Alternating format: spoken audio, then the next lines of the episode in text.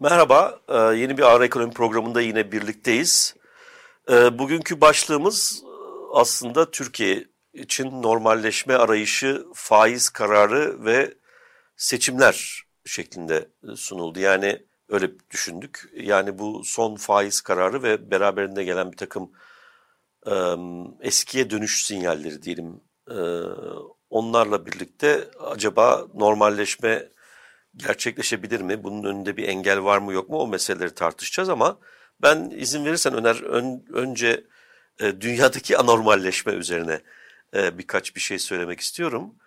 E, izleyicilerimizin bir kısmı muhtemelen takip ediyorlardır. Bazılarını herkesin takip ettiğini düşünüyorum ama iki önemli gelişme oldu. Bu e, gelişmeleri açıklamakta gerekiyor. Biliyoruz, birincisi biliyorsun artık birkaç gün sonra e, COP28 başlayacak. Yani bu iklim yıkımına karşı Birleşmiş Milletler tarafından örgütlenen hükümetler arası panelin toplantıları başlayacak. Bu aslında ülkelerin e, söz verdikleri hedefleri yerine getirip getirmediklerinin falan tartışıldığı bir toplantı ve yeni hedeflerin, yeni stratejilerin tartışıldığı bir toplantı. Ee, bu toplantı Birleşik Arap Emirlikleri'nde gerçekleştiriliyor. Ee, ve bir, toplantının e, organizasyonunu yapmakla görevlenen de e, bir büyük petrol şirketinin Aramco'nun galiba CEO'sunu CEO'luğunu yapmış uzunca yıllar e, bir birisi. Dolayısıyla e, gelen gündemden anladığımız kadarıyla tartışma konuları petrol üretimini nasıl artırırız, e, kömür üretimini nasıl artırırız falan gibi maddeler var. Sivil toplumun girmesi yasaklandı, şu bu falan. Birleşmiş Milletler Genel Sekreteri de uzun zamandır e, bir mücadele yürütüyor. Hatta Papa da bu çerçevede çok aktif bir tutum aldı. E, birkaç gün önce Kuzey Kutbu'na gitti bilim insanlarıyla beraber. Ve oradan döndüğünde de e, geniş bir açıklama yaptı. E, yine son derece kızgın ve üzgün diyelim e, bir tonda yapılan bir açıklamaydı bu. E, ana fikir olarak şeyi söyledi. E, daha doğrusu orada tespit edilen bizzat kendisini de gözlemlediği 90'lı yıllarla karşılaştırıldığında her iki kutuptaki buzların erimesi 3 kat hızlanmış. 3 kattan fazla hızlanmış. Bunun son derece büyük bir önemi var. Çünkü buzlar biliyorsun güneş ışınını yansıtma yeteneğine sahip. Dolayısıyla küresel ısınmaya karşı hareket eden bir doğal savunma mekanizmasıydı. Şimdi o kaybolacağı için önemli bir şey olacak. Ayrıca buzlar eridiğinde işte metan gazı falan filan salınacağı için bir feedback efekt, geri besleme etkisi. Yani artık kutuplar bir durdurucu olmaktan ziyade hızlandırıcı olma e, işlevi taşıyan bir doğal mekanizma haline dönüşüyor ve bunun gibi pek çok başka doğal mekanizma da var. Dolayısıyla Birleşmiş Milletler Genel Sekreteri bunu küresel intihar girişimi olarak adlandırdı. Bundan daha özlü ve daha yakarıcı başka bir şey olamaz herhalde ve çok acilen e, geniş çaplı bir eylemlilik yaratılmazsa bu intiharın e, kısa bir zaman içerisinde ölümle sonuçlanması e, e, yani altıncı büyük yok oluşun gerçekleşmesi, bu ekosistemin tamamen ortadan kalkması e, söz konusu olacak. E, bilindiği gibi işte Arjantin'de seçilen adam e, küresel ısınma yoktur, bu komünistlerin bir uydurmasıdır diye demeç vererek bu doğrultuda şey yapacak. E, Trump'ın da aynı şey. Dolayısıyla bu neofaşist hareketlerin de e, küresel ısınmaya karşı e, e, önlem almayı bırakın onları hızlandırıcı bir yönde e, davrandıklarını biliyoruz. Dolayısıyla bu en önemli anormalleşmelerden bir tanesi herhalde. E, ama ileride e, bak bunu ele almak kaydıyla şimdilik geçiyorum. İkinci ilginç ve önemli olay da e, OpenAI'da olan bitenler. Yani Altman e, CEO bu OpenAI'da tabii Ağustos ayına geri dönün bunu dile getirmiştik programda. E, evet. Google'dan ayrılan ve bu ilk e, yapay zeka uygulamasını geliştiren insan Jeffrey Hinton bir açıklama yapmıştı. 300 tane e, bilim insanı ve e, teknoloji uzmanı ile beraber bir açık mektuptu. Yapay zeka çalışmalarını hemen durdurun yoksa e, önlenemez bir noktaya gideceğiz. Şimdi anlıyoruz ki bu OpenAI'da e, yeni bir e, teknoloji geliştirilmiş durumda ve bu yapay zeka uygulamalarında bir sıçrama yaratıyor. Yine ileride umarım vakit bulur ele alırız. Singularity dediğimiz durum yani olay ufk, ufkunun belirsizleştiği bir noktaya geliyoruz teknolojik açıdan, yapay zekanın kabiliyetleri açısından.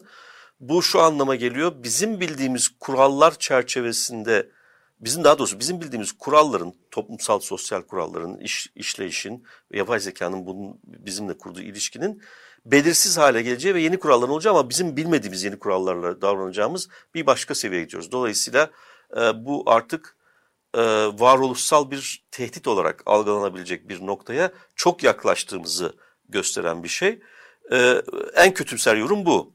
Ama iyimser yorum Altman'ın geri döndüğünü ve board üyesi olduğunu, geri dönerken yanında bence 21. yüzyılda yani halen yaşamakta olan en toksik iktisatçılardan bir tanesi. Sen de iyi bilirsin Larry Summers'ı e, board üyesi yaptı. Yani bu İzlanda'nın battığı sırada danışmanlığını yapan 2008 krizine e, giden yolları döşeyen önemli 5-6 iktisatçılardan bir tanesi olan e, bir arkadaşımız. Demokrat Parti hazine bakanıydı. İşte Harvard'ın rektörüydü ama cinsiyetçilikten dolayı epey, epey bir soruşturmaya uğradığı falan filan bunu üye yaptı ve aynı zamanda da Microsoft'un da bir sandalye kazanması. Dolayısıyla şirketler kazandı. İyi ihtimal, en iyi yorum bu. Yani hani öteki alternatiflere göre iyi kabul edebilecek yorum bu. E, şirketlerin kazanması da şu anlama geliyor. Bu derece yüksek bir teknolojik sıçramanın gerçekleştiği bir yerde e, zaten regülasyon yapma imkanı kalmadı. Devletler böyle bir niyete sahip değiller ve belki yapma imkanı yok. E, burada bir şövalye gibi vakıf mülkiyeti üzerinden e, geniş kitlelerin e, bu teknolojiye erişimini amaç edinen kurumda şirketlerin eline geçmiş olur. Dolayısıyla bunun bizim servet ve gelir eşitsizliği açısından e, küresel çapta büyük yıkıcılığı, yıkı, büyük bir yıkıma yol açması söz konusu olacak. Yani derinleşen e, eşitsizliklerin daha da büyük bir süratle derinleşmesine neden olacağı gibi kontrol açısından da yani toplumsal kontrol açısından da e, çok önemli bir güç birikiminin zaten e, çok dezavantajlı durumdaydık. Bunun e, belki de kalıcılaşmasına neden olabilecek e, bir mesele. Tabii ben biliyorsun teknofeodalizm meselesi de kafayı takmış durumdayım. Ona giden bir e, yolda geçmiş olduk. Şimdi böyle anormal iki tane e, küresel gelişme bu bizi de yakından etkileyecek gelişmeler bunlar. E, böyle bir ortamda Türkiye'de bir normalleşme tırnak içinde e, yazdık tabii biz başlığı normalleşme arayışı derken. E, çünkü normalleşmeyi tarif etmekte zor. Yani zaman zaman hatırlardır izleyicilerimiz e, yeni normal diye bir kavram vardı değil mi? Bizim epeyce bir başlığımız çok tartıştığımız bir konuydu. bu normalleşme olacak ama hangi normalleşmeden bahsediyoruz? Çünkü AKP'nin 22 yıllık iktidarı içerisinde normal kabul edilebil ya da kendilerince normal kabul edilen e, birbirinden epeyce farklı çok durum var. Şimdi dolayısıyla bunlardan hangisini normal olarak kabul edip hangisine yaklaşıyorlar onu anlamaya çalışıyoruz ama birkaç olaya baktığımızda nedir bir işte ekonomi koordinasyon kurulu galiba oluşturulmuş yeniden. Yani bu 90'ların sonunda herhalde ilk defa ilk kez yapılmıştı ya da 90'lı yıllar boyunca vardı. 2000'lerin başında da önemli işlevler görmüştü. Ee, Hakan Kara tweetinde bahsetti. Ee, Merkez Bankası'nda Hakan Kara'nın editörlüğüyle başlamış olan e, Merkez'in Güncesi bloğu tekrar başlamış. İlk KKM ile ilgili şeyler var. Tabii orada e, yeri gelince e, dile getiririz. Grafikler dikkat çekici ölçüde yanıltıcıydı. Yani iyi bir çalışma yapmışlar. Ama sonuçları biraz abartan bir sunum vardı. Ona dikkat etmek kaydıyla okumakta fayda var. Ee, ve Sayın Cumhurbaşkanı'nın senin de dikkatini, senin daha doğrusu benim dikkatime sunduğun gibi yaptığı bir konuşmada Türk lirasının artık e, daha fazla değersizleşmesi söz konusu olmayacak. Yani Çin modelinden vazgeçtik diyorlar. E, dolayısıyla bu çerçevede beklenmedik ölçüde yüksek bir faiz artışı yapıldı. Herkes 2,5 puan beklerken 5 puan, 500 bas puan yapıldı.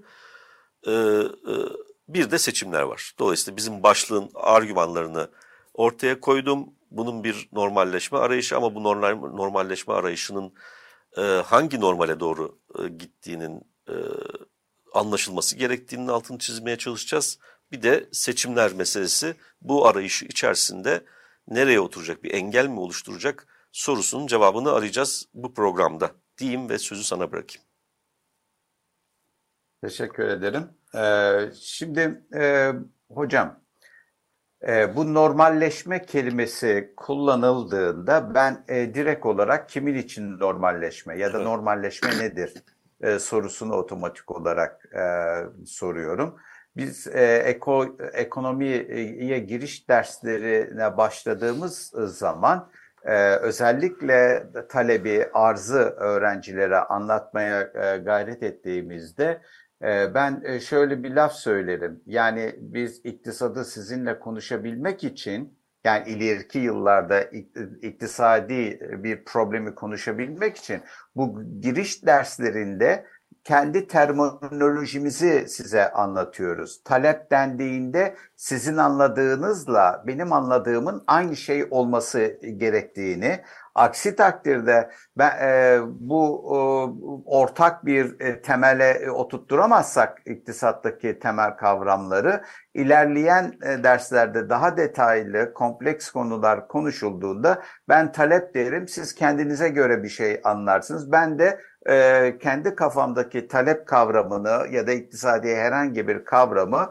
e, biliyorsunuz diye, profesyonel düzeyde biliyorsunuz diye e, hiç e, endişe etmeden e, e, konuşurum e, derim. Bu da işte e, kesimler arasındaki anlaşmazlıklara e, neden olur. Çünkü aynı kavram kullanılan e, söylemdeki aynı kavram farklı kişilerin e, zihninde farklı karşılığa sahip olabilir. E, o yüzden iktisatçılar e, bu, bu konuda finansal ve ekonomik okuryazarlık tırnak içerisinde dedikleri e, şeye e, aşırı vurgu yaparlar.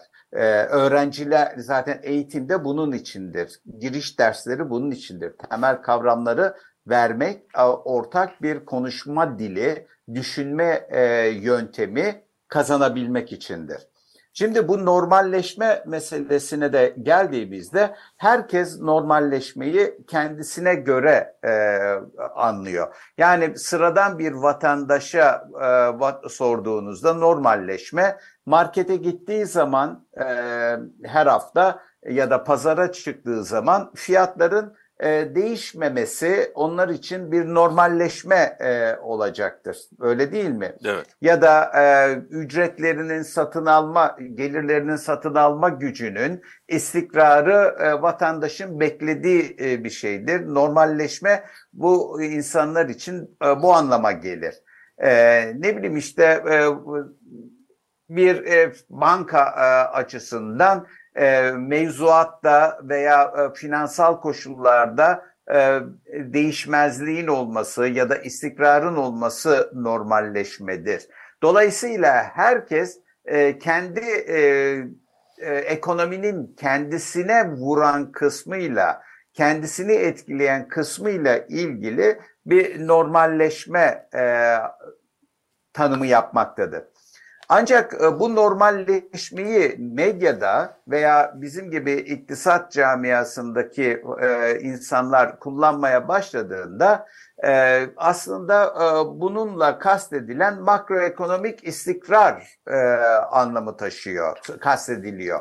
Makroekonomik istikrar fiyatların, faizin, kurun çok oynaklık göstermediği, ekonominin ekonominin maruz kaldığı dengesizliklerin de sürdürülebilir bir düzeyde e, bulunması yani o dengesizliklerin giderilmesi değil de ama sürdürülebilir e, düzeylerde olması ifade ediliyor. Yani Türkiye e, gibi bir ülke için e, mesela cari açık bunu e, mevcut üretim yapısıyla e, sıfırlayabilmek hatta fazla vermek e, Türkiye ekonomisi için e, mümkün değil. Hayalle, e, hayal e, gibi bir şey bu üretim yapısıyla. Ha olması gereken e, nedir onu tartışmıyoruz ama bu üretim yapısıyla e, Türkiye'nin cari açık bir dengesizlik şeklidir. E, e, cari açığın e, makul düzeylerde Yani finanse edilebilecek e, seviyelerde e, seviyelere e, getirilmesi e, bence bir normalleşmedir. Veya bütçe e, açısından, kamunun harcamaları açısından e, faiz dışındaki e, harcamaların kontrol edilmesi, hatta dengede veya fazla vermesi ki burada bir fazla söz konusu olabilir, e, bir normalleşmedir. E, bunun gibi e, e, tanımlanabilir. Ancak e, Mehmet Şimşek Beyefendi'nin göreve gelmesinden e, sonra e, hakim olan ekonomi e, e, basınına, görsel ve yazılı e, basına hakim olan normalleşme e, ile işte faizlerin daha gerçekçi e, bir e, noktaya e, gelmesi ifade ediliyor. Ama buradaki e, talep ve kurlardaki Türk lirasının değer kaybının da belli bir noktaya e, gelmesi kay, e, kaydediliyor e, ya da ifade ediliyor. Sayın Cumhurbaşkanı da buna e, atfen o açıklamaları e, yapıyor. Elbette finansal kesimler açısından ekonomide e, özellikle e, e, bu o, temel finansal parametrelerde, değişkenlerde istikrarın e, sağlanması önemlidir ve gerçekten de normalleşme olarak ifade edilebilir.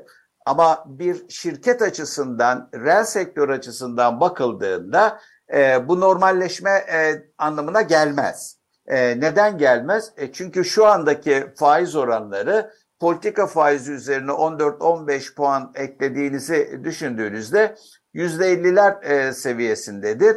Türkiye ekonomisi e, bu düzeyde e, bir faiz yükünü kaldırabilecek faaliyet e, kazançlarına sahip bir ekonomi değildir.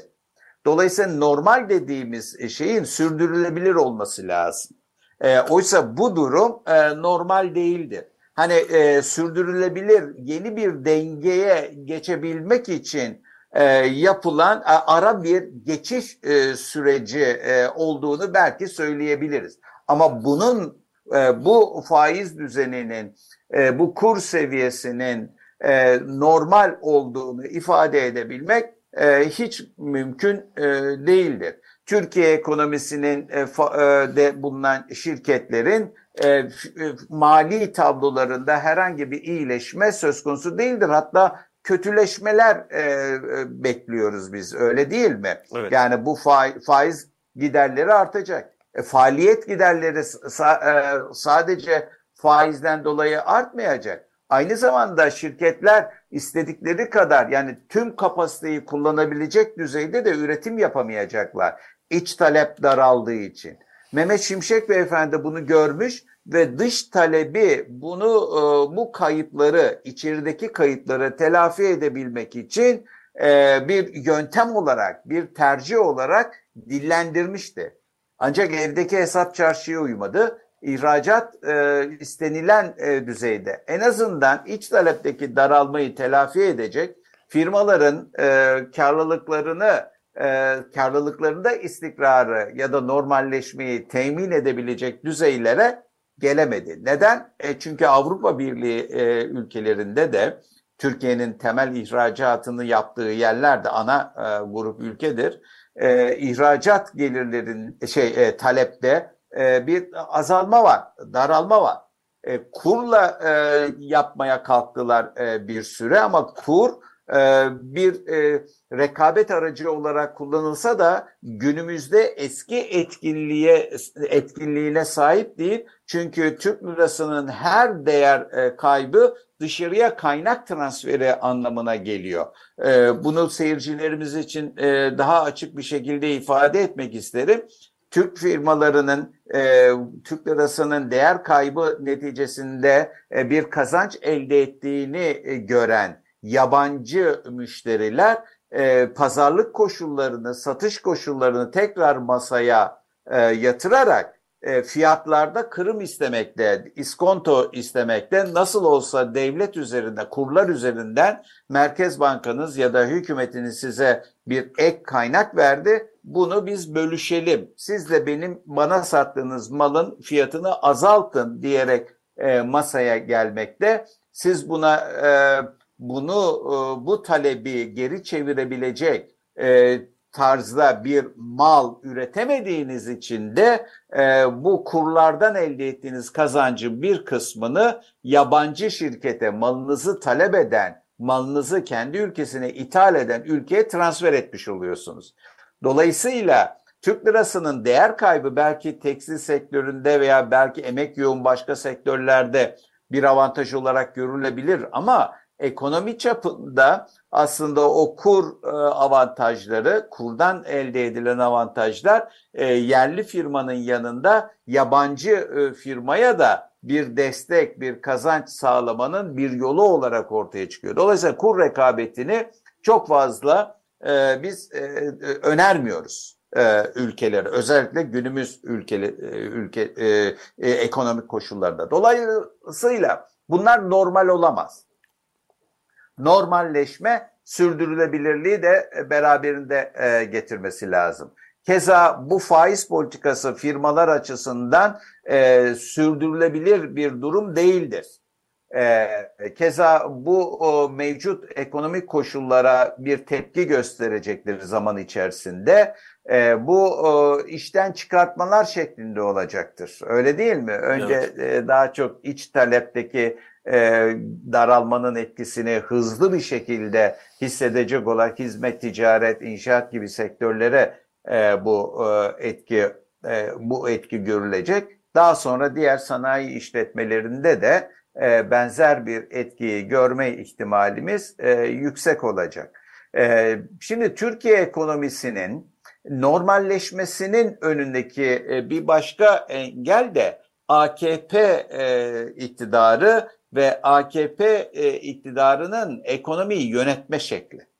Her zaman kendi siyasi ikbalini veya ekonomik gelişmelerden kendi iktidarını güçlendirecek ve sürekliliğini sağlayacak bir yarar elde etme e, aracı e, olarak yararlanan e, böyle bir iktidar özellikle e, kendisi açısından önemli olan bir e, mahalli seçim de olsa bir seçim e, ihtimali ve orada elde edebileceği bir başarıya e, muhtaçlığı söz konusu ise e, uyguladığı politikalarda da bizim beklediğimiz anlamda bir normalleşmeye gitmesi mümkün değildir. Hatta bu öyle ki piyasada en radikal, en ortodoks iktisatçılar bile bugünkü iktisat politikalarını değerlendirirken efendim işte biraz musammalı e, bakmak lazım, musamma göstermek lazım. Neden? E çünkü seçim var. Mehmet Şimşek Bey bu e, seçim e, sebebiyle siyasetin öne çıkması ve siyasi iradeye yeteri kadar direnç gösteremeyeceği için e, yapacağı bir takım eylemlerde daha sınırlı e, davranacaktır gibi bir tezi ortaya süre, sürebilmektedir. Dolayısıyla bu tez e, hala canlıdır, geçerlidir. Dolayısıyla bu tezin geçerli olduğu bir dönemde de normalleşmeden bahsetmek mümkün değildir. Evet. Sen, ya, ben ben gireyim araya sen bir nefeslen. Ee, şimdi normalleşme tabii böyle şöyle bir şey de var. Bu normalleşme meselesinden bahsederken e, bir de e, toplumun çeşitli kesimlerinin atfettiği normalleşme var. Sen e, girişte söyledin konuşmanın girişinde herkesin normalleşmesi kendine diye. yani öyle bir e, tanım itibarinde ama genel olarak yaygın görüş piyasa profesyonellerinde olan kimi meslektaşlarımızda olan bu pir, e, Mehmet Şimşek'e verilen prim de biraz bunu şey yapıyordu. Mehmet Şimşek sanki e, 2010 e, yani bu normal normal addedilen ortamdan ayrılırken e, dışarı atılmış dolayısıyla mağdur edilmiş tırnak içerisinde birisiydi. E, temsil ettiği görüşler ve aksiyonlar ise e, bizim o zafer dolu 2010'a kadar olan e, dönemi içeriyordu. Şimdi dolayısıyla Mehmet Şimşek göreve gelince bu arkadaşlarımız aha işte tekrardan o 2000'li yılların başına AKP iktidarının e, en başına başındaki iktisat politikalarına ve iktisadi çerçeveye geri dönüyoruz beklentisi içerisine girdiler. Şimdi bir kere her şeyden önemlisi bunu sormak lazım. E, böyle bir şey mümkün mü? e, o zamanki koşullara, başlangıç koşullarına bakacak olursak bugünkü koşullarda içinde bulunduğumuz durumdan çok çok çok farklıydı. Nedir bu farklar? Birincisi hane halkı borçluluğu yoktu neredeyse. Yok kabul edebileceğimiz bir şeydi. Çünkü çok uzun dönem yüksek reel faizlerden dolayı insanların borçlanmaları mümkün olmamıştı. Çok çok düşüktü. Bugün o misliyle arttı. Yani herhalde yanlış hatırlamıyorsam rakamları 2,5-3 e, seviyesinden 40'lar seviyesine geldi. E, firmalar kesiminin borçluluğu yine çok yükselmiş durumda. E, o zaman Avrupa Birliği çıpası vardı ve senin altını çizdiğin iç talebi bastırırız ama nasıl olsa dışarıdan bir dış taleple bu e, açığı firmalar kesimi açısından e, dengelememiz mümkün olabilir. Her şey yoluna oturduğu zaman da zaten iç talepte tekrar canlanacaktır. Gelir politikası, gelirler politikası ne biliriz. E, dışsal çevre farklıydı. Hep altını defalarca çizdik. Bu artık herkesin neredeyse ilgi, iktisatla birazcık ilgilenen, Türkiye ekonomisiyle birazcık ilgilenen herkesin e, bildiği bir konu. E, dışarıda likitte bolluğu vardı. 2008 krizin hemen öncesiydi. Dolayısıyla sermaye akımları açısından da çok avantajlı bir e, durum addediliyordu. Ama Avrupa Birliği çıpası dolayısıyla Türkiye'de kurumlar ve hukukun üstünlüğü, kurumların rasyonelitesi ve hukukun üstünlüğünde büyük bir adım atılmıştır. Derviş reformlarının en önemli özelliği e, buydu zaten. İhale yasasından tutun bilmem e, nereden bulduğun yasası çıkmamıştı ama e, o kadar da bugünkü kadar serbest bir ortam söz konusu değildi. Ve mafya devlet bütünleşmesi de e, 90'lı yıllarda böyle bir e, yükseliş olmuştu ama e, bu süreçte beraber orada da büyük bir azalma e, söz konusu. Şimdi bütün bunların kaybolduğu, bütün bunların kaybolmasının yanı sıra ilk defa başımıza gelen TÜİK gibi bir takım kritik kurumlarda da irtifa kaybı oldu. Yani TÜİK'in şimdi enflasyon meselesinde bir düzeltme yapmamış olması zaten bizim izlemek ve aman iyileşiyor, aman kötüleşiyor, şuraya dikkat edelim, buraya dikkat etmeyelim falan gibi göstergelerin neyi gösterdiği konusunda büyük bir soru işareti var. Yani biz ortada bir değerlendirme yapacağız ama bu değerlendirmeyi yapacağımız e, fotoğrafı çekmek için kullanacağımız göstergeler, bu değerlendirme yaparken etrafta olan biteni tanımlamak için kullandığımız göstergeler ekstra bir yani genel olarak bir aşınma vardı ama Türkiye'de bir de bu tür problemlerden ötürü ciddi bir aşınma içerisinde. Yani siz enflasyonu fiyatlar genel seviyesindeki e, sepet üzerinde önümüzdeki hafta herhalde bunun üzerinde duracağız. E, e, sepeti düzeltmezseniz o fiyatlar genel seviyesinde e, düzeltmeyi geriye doğru yapmazsanız e, o doğru ölçseniz bile oransal artışları doğru ölçseniz yapsanız bile doğru açıklasanız bile e, e aradaki büyük bir uçurumdan ötürü ee, bütün diğer iktisadi göstergeler, fiyatın girdiği her türlü iktisadi gösterge zaten anlamsız ve yanıltıcı olmaya başlamıştır. Dolayısıyla e, Mehmet Şimşek'in e, açıklamalarını, yaptıklarını, şusunu, busunu falan değerlendirirken e, reformları bu noktaya kadar ilerletip ilerletemeyeceği kritik bir şeydir, bir bir bir noktadır. Dolayısıyla benim kişisel olarak buraya kadar ilerlemesi mümkün olmayacağı doğrultusunda çünkü bu, bugün herhalde ele alamayız ama e, sadece değinip geçmek için söylüyorum. E, bu ye, rezerv alan yasası tek başına, başlı başına Mehmet Şimşek'in yaptıklarına ilişkin verdiği izlenimi tamamen ortadan kaldıran bir uygulamadır. Ee, yani yasa marifetiyle e, devletin eline geçen güç uzmanların değerlendirmesine göre henüz e, yönetmelikler falan yayınlanmadığı için bu yasadaki e, açık noktaların ne kadar tahripkar bir şekilde kullanılıp kullanılmayacağını bilmiyoruz ama yakın zamanda göreceğiz.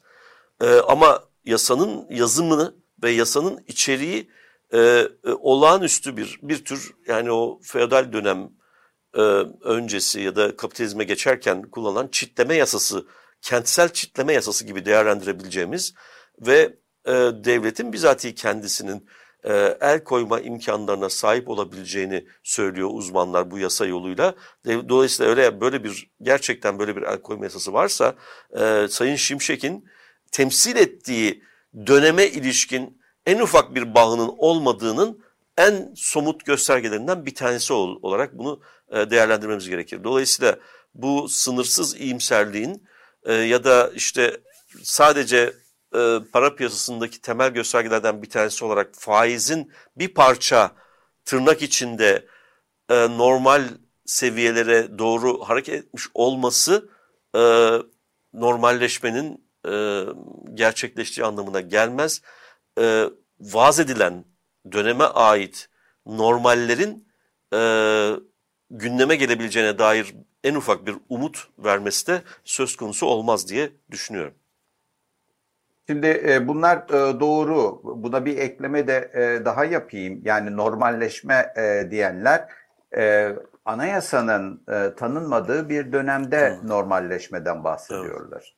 Evet. E, Anayasa Mahkemesi'nin kapatılmasının iddia edildiği ve alt e, mahkemelerin Anayasa e, Mahkemesi'nin kararlarını tanımadığı bir durumdan bahsediyorlar. Tabii e, sayın seyirciler, izleyicilerimiz e, bunların ekonomiyle ne alakası var diyebilirler.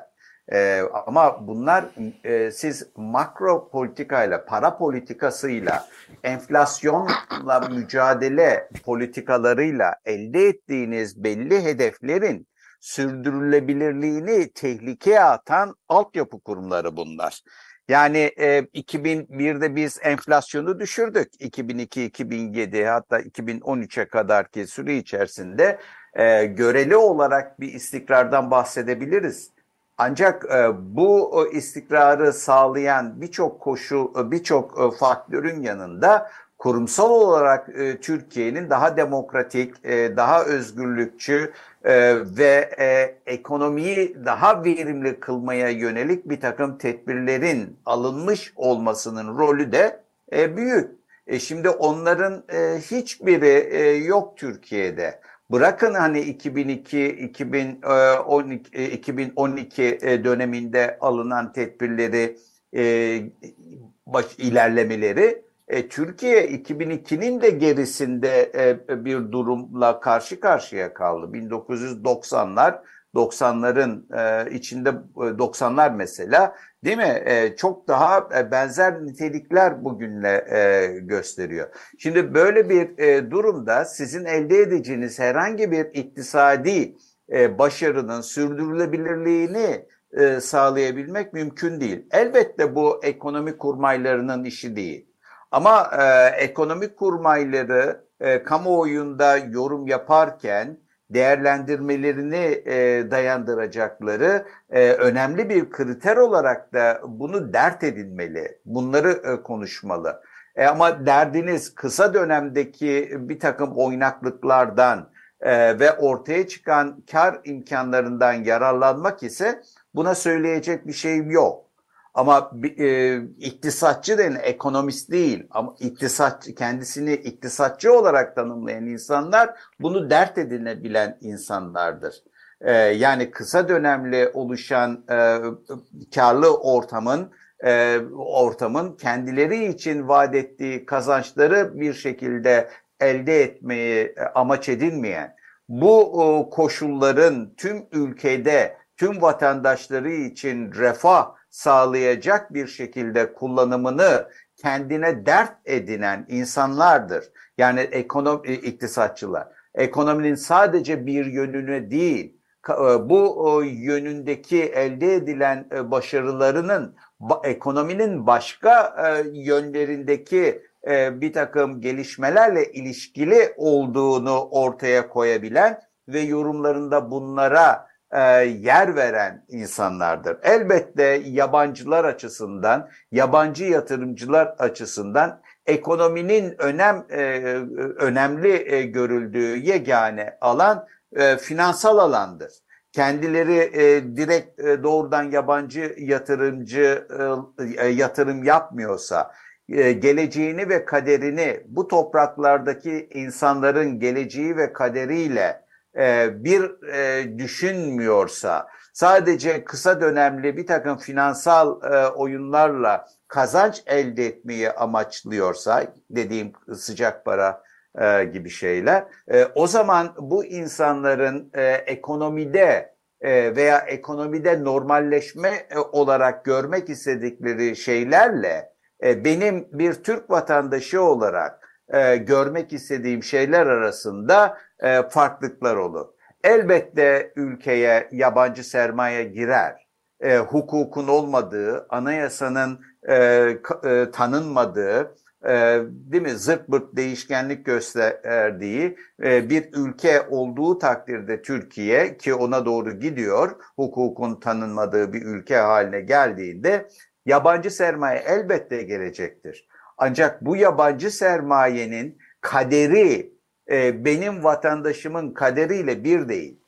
O vatan e, e, e, insanlar buradan kazancını alıp zamanı gelince şartlar tersine dönünce rahatlıkla gidebilecektir. Bu tip sermayeye olan bağımlılık işte yani kader birliği yapamadığımız, kaderimizin geleceğimizle ilgili bir anlaşma, bir mutabakata var mı, varamadığımız bir sermaye grubu, yabancı sermaye e, grubuyla e, grubuyla e, e, iş ortaklığı geliştiremediğimiz e, takdirde e, bizim ülkemizin e, hukuk sisteminin, e, demokrasisinin, insanların yaşadıklarının hiçbir önemi olmaz. Bu sermaye için normalleşme sadece finansal piyasaların sınırları içerisinde yaşananlarla e, e, şeydir, sınırlıdır. Onun dışında taşan, onun sınırları e, dışındaki konular e, konu edilmezler, dert edilmezler. Şimdi e, bu e, tabii ki e, herkesin aşağı yukarı kabul edebileceği e, şeylerdir sermayenin niteliği itibariyle. Ancak Türkiye'nin içinde bulunduğu koşullar itibariyle e, maalesef böyle bir seçme şansına da sahip olmadığını düşünüyorum. E, bu şansı elinden kaçıran ya da şansı e, yaratamayan yine Türkiye ekonomisinin kendisi. Çünkü hukuku, e, hukukun üstünlüğünü sağlayacak reformlardan kaçınan, siyaseti, siyasette, e, siyasetin finansmanını, e, e, siyasi ahlak yasalarını e, gündeme almayan, bu konularda iktidarı ve muhalefetiyle tüm siyasi kadroların hiçbir söyleme sahip ol, olmadığı e, bir e, kültürümüz var. Bir kurumsal yapımız var. Bunlar olmadığı takdirde de elbette bizim demokrasi taleplerimiz, bizim e, hukuk taleplerimiz boşa gidiyor. Neden? Tekrar ediyorum. Öncelikle siyasetin finansmanı hakkında bir söylemimiz yok ve belirsizlik var. İki, siyasi ahlak konusunda e, ciddi problemlerimiz var. Bu siyaset kurumunun daha sağlıklı, daha etkin işleyen bir siyaset kurumunun e, yaratılabilmesi, oluşturulabilmesi için olmazsa olmazlar. Şimdi bunların hepsini bir tarafa bırakıp e, Türk vatandaşı ve Türk e, iktisatçı, ek, e, ekonomiyle ilgili e, e, cenah. E, sadece e, bu faizlerle, e, dolarla e, e, ve dolarların e, doların e, değeriyle e, uğraşmaya başlıyor. E, ve e, oraya bütün konsantrasyonunu yönelterek e, bu e, değerler üzerinde etkili olan biraz önce söylediğim e, hususları tartışmadan veya kamuoyunun dikkatinden kaçırabiliyor. İşte en son Sayın Cumhurbaşkanımızın e, yaptığı açıklama Türk lirasının değer kazanmasını bir başarı göstergesi olarak kamuoyuna anlatması. Oysa aynı Cumhurbaşkanı bundan iki yıl e, önce 2021 yılında Türk lirasının değer kaybını bilinçli e, bir politikanın sonucunda yaşanmış bir durum olarak e, ortaya koyuyor ve bunu enflasyonla mücadeleyi e, mücadele için e, tercih ettiklerini söylüyordu, ifade ediyordu kamuoyuna. Ve bunun adına önce Çin modeli, sonra Kore modeli, sonra ki aşamada, üçüncü aşamada da Türkiye modeli denilerek kamuoyuna PR'ı yapıldı.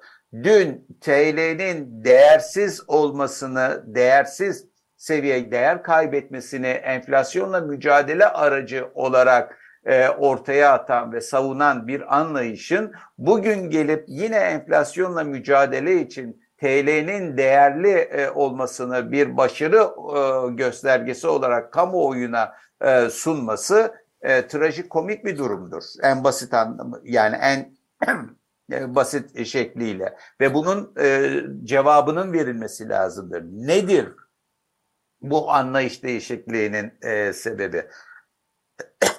Pardon. E, şimdi Türkiye ekonomisinin e, cari açık doğuran e, herhangi bir cari açık doğuran e, yapısal problemleri ortadan kalkmış mıdır? Örneğin Türk lirasının değerlenmesini sağlayacak e, bir şekilde enflasyonda bir düşüş mü var vardır? E, veya ne bileyim sermaye girişi değerlenmesini sağlayan bir sermaye girişi mi vardır?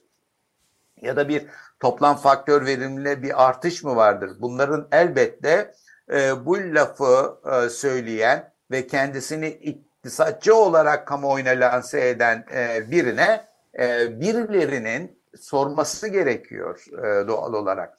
Şimdi e, bilemiyorum hani e, çok zamanını aldım senin de ama yok yok e, bunların hiçbiri gerçekleşmeden ve e, hadi bırakın e, her şeyi Türkiye ekonomisinde hala cari açık önemli miktarlarda e, miktarlara ulaşmışken ve o cari açığın bu seneki cari açığın finansmanı e, açısından e, e, kaynak arayışımız devam ederken TL'nin değerlenmesinden e, bahsedebilmek bana göre e, iktisadi e, yapıyı iyi değerlendirmemek ya da karşı karşıya kaldığımız problemleri e, iyi değerlendirememek anlamına geliyor benim nazarımda. Dolayısıyla böyle bir ortamda ekonominin normalleşmesini yapsa, yapsanız iki tane blok açarsınız. iki tane basın bülteniyle ki onların da önemi yüksektir ama abartmamak lazım. E, yani geçmişle kıyasladığımızda e, o Merkez Bankası'nın yapmış olduğu açıklamalar, duyuruların kalitesi artmıştır. E, bunlar bir başarıdır. Ancak bu başarıyı abartarak bütün problemlerimizi bir basın açıklamasıyla halledebileceğimizi düşünülmesi de yanlıştır. Türkiye ekonomisi önümüzdeki sene büyümek istemektedir. Bu e, orta vadeli program bunu yüzde dört civarında bir büyümeyle değil mi? Yüzde dört, dört buçuk arasında değişen bir büyüme oranlarına sahip. E, dolayısıyla Türkiye'nin e, problemi böyle bir büyümenin finansmanının nasıl sağlanacağının hala netlik kazanmamasıdır. Dolayısıyla bu netliğin olmadığı bir yerde de normalleşmenin e, telaffuz edilmesi doğru değildir. Bu normalleşme belli ki kişilerin menfaatleri doğrultusunda bir normalleşmedir ama geniş halk kitlelerinin e, lehine sonuçlar doğurabilecek bir normalleşme değildir. Ve bir de bu normalleşme e, gerçekleşirken e, e, şimdi sonuçta ortada büyük bir hasar var. enflasyondan uzun dönemde yüksek enflasyondan zarar görmüş geniş kitleler var. Bunun ortadan kaldırılması da yine ek bazı maliyetlerin ortaya çıkmasına neden olacak. Dolayısıyla bu ek maliyetler nasıl paylaşılacak bu konuda bir açıklık olması gerekiyor. Bu açıklık olması yetmez bu maliyetlerin nasıl paylaşılacağına ilişkin tarafların doğrudan temsilinin gerçekleştiği bir tartışma ortamında olması gerekiyor. Yani e, kimin yaptığı belli olmayan, sarayın karanlık odalarından çıkan e, bir programın e, e, toplum nezdinde kabul görmesi, bizim bugün karşı karşıya kaldığımız ihtiyaçlara cevap vermesini beklemek saf dillik olur. Üstelik de bu kadar ağır bir yapısal problemlerle karşı karşıya olduğumuz, bu kadar ağır ve önemli değişikliklerin yani hem hukukta hem işte iktisadi kurumlarda hem geçmişe dönük olarak ortaya çıkan hasarların giderilmesi, kurumsal hasarlardan bahsediyorum. Kurumsal hasarların giderilmesi anlamında e, atılması gereken adımların olduğu bir ortamda e, gerçekten küçük bir e, makyajın e, bu meselelere çözüm olamayacağı çok açık ortada. Bunu dolayısıyla e, haklı bir şey, hakkıyla yerine getirmek, hakkıyla yerine getirirken de bir açık tartışma ortamını yaratmak gerekiyor. Ama bunlara dair e, atılmış en ufak bir adım yok. Böyle bir adım atılmadığı sürece de e, bir tırnak içinde söylüyorum e, toplumda genel olarak beklenen normale dönüş konusunda umutlanmak için bir nedene neden olduğunu da görmüyorum. Dolayısıyla e, bu bu tartışmaları e, bu kapsamda yapmak, e, yerli yerine oturtmak gerekiyor ve geriye doğru da düzeltmeleri içerecek şekilde e, yapmak gerekiyor. E, çünkü bu 2000'lerin başında ortaya çıkan e, iyileşmeler hani orada işte ne bileyim yoksullukla mücadele alanında da önemli adımlar atılmıştı. Şimdi oradan da çok uzak bir noktaya gelmiş durumdayız. Dolayısıyla bu maliyeti Sayın Şimşek e, yer yer dile getiriyor. İşte e, ücret artışlarını sınırlandırmaktan bahsediyor. Gelirler politikasında önemli bir değişikliğe tekabül etmeyen bir takım önlemlerden e, bahsediyor. E, bu ortamda bu önlemlerin e, hayata geçirilmesi normale dönmeyi bırak yıkımı artıracak bir e, sonuç doğurur. Dolayısıyla bütün bunların da e, yerli yerinde tartışılması gerekir. E, bütün toplumsal kesimleri içerecek bir tartışma ortamı çerçevesinde. Başka ekleyecek bir şeyin yoksa süremiz... Bir şey var. Heh, bir söyle. şey var. Tamam. Seyircilerimizin anlayışına sığınarak ifade etmek istiyorum. Şimdi e, kamuoyunda ciddi bir beklenti var. Seçimlerden sonra e, iktidarın Mehmet Şimşek'e e, bütün direksiyonun başına Mehmet Şimşek'in geçeceği evet. ve asıl mücadelenin, enflasyonla mücadelenin seçimlerden sonra yapılacağı ve bunun sonuçlarının da e, Haziran ayı e, sonrasında 2024'ün ikinci yarısında görülmeye başlanacağı söylenmektedir. Ancak e, kamuoyuna şunu e, ifade etmek isterim ki bu tip kapsamlı ve toplumun birçok kesimini e, etkileyecek ama daha çok da e, geniş, yaygın halk kesimlerini ki bunların çoğu orta ve düşük gelir grubundaki e, haneleri içerir. Bunları etkileyecek e, bu kapsamda e, ve şiddette bir politikanın toplumsal mutabakat olmadan hayata geçmesi. Tekrar ediyorum. Evet. Toplumsal mutabakat olmadan uygulanabilmesi çok zordur. Özellikle bu seçimlerde AK Parti'nin arzu ettiği düzeylerde bir oy e, e, elde etmemesi halinde bu politikaların uygulanması tehlikeye girer.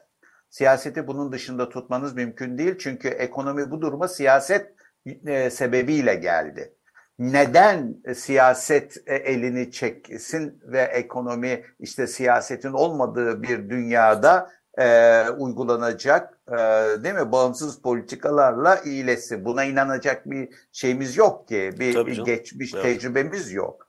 Dolayısıyla eğer e, önümüzdeki seçimde e, iktidar e, başkanlık sisteminde elde ettiği e, oy oranının altında bir oyu oranıyla karşı karşıya kalırsa bu birinci e, turdaki oydan e, bahsediyorum. İkinci turu kastetmiyorum. İkinci tur e, mecburen hani yüzde elli küsür yok şu bu falan iki adaya indiği için. E, yüzün e, bölümünü ilgilendirdiği için ama birinci e, tur oyları e, daha gerçekçi bir e, şeydir, performans göstergesidir. Eğer e, ilgili partilerin e, veya ittifakların oy oranları e, meclislerdeki şimdi e, belediye meclis o oylarının altında e, e, bir e, performansa işaret ediyorsa bu o, tip programların uygulanabilirliği tehlikeye girecektir.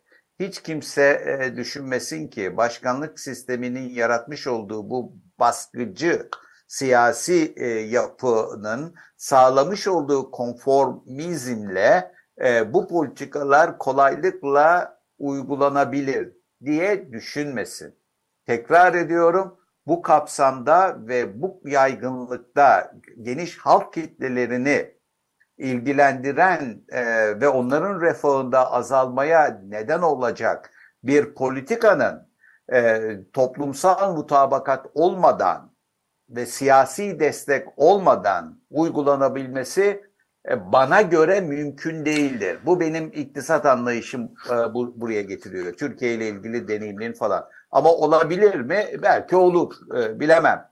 E, bir marj bırakırım. Ama pratikte Türkiye'de bunun örneklerini biz geçmişte gördük. Olamadığı için de sürekli e, iktidardaki siyasiler mutabakat zemini oluşturmaya e, çalışırlar. Ama ama bu yerel seçimlerin gene bir tür genel seçime dönüştürülmesi ya da hükümetin e, iktisadi politikalar başta olmak üzere politikalarının güven oyu e, ortamına dönüştürülmesini gerektiriyor. Yani siyaseten de önemli bir e, adım atılması lazım muhalefet tarafından. Ben muhalefette böyle bir çabanın olduğundan emin değilim doğrusu. Dolayısıyla seçimi bir şekilde sonucu ne olursa olsun içselleştirecek ve e, hareket ettiği zemini e, değiştirmekten değiştir, değiştirmek zorunda kalmayacağı bir ortama getirecektir iktidar diye düşünüyorum. E, bunu İnşallah e, muhalefet beni yanıltır tabii. genel başkanlık seçiminde bunu çok güzel başardı Sayın Cumhurbaşkanımız. Evet. E, burada da aynı başarıyı e, gösterebilir mi göreceğiz. Evet. Peki. O zaman önümüzdeki hafta muhtemelen enflasyonu konuşmak üzere. Hoşçakalın. Hoşçakalın.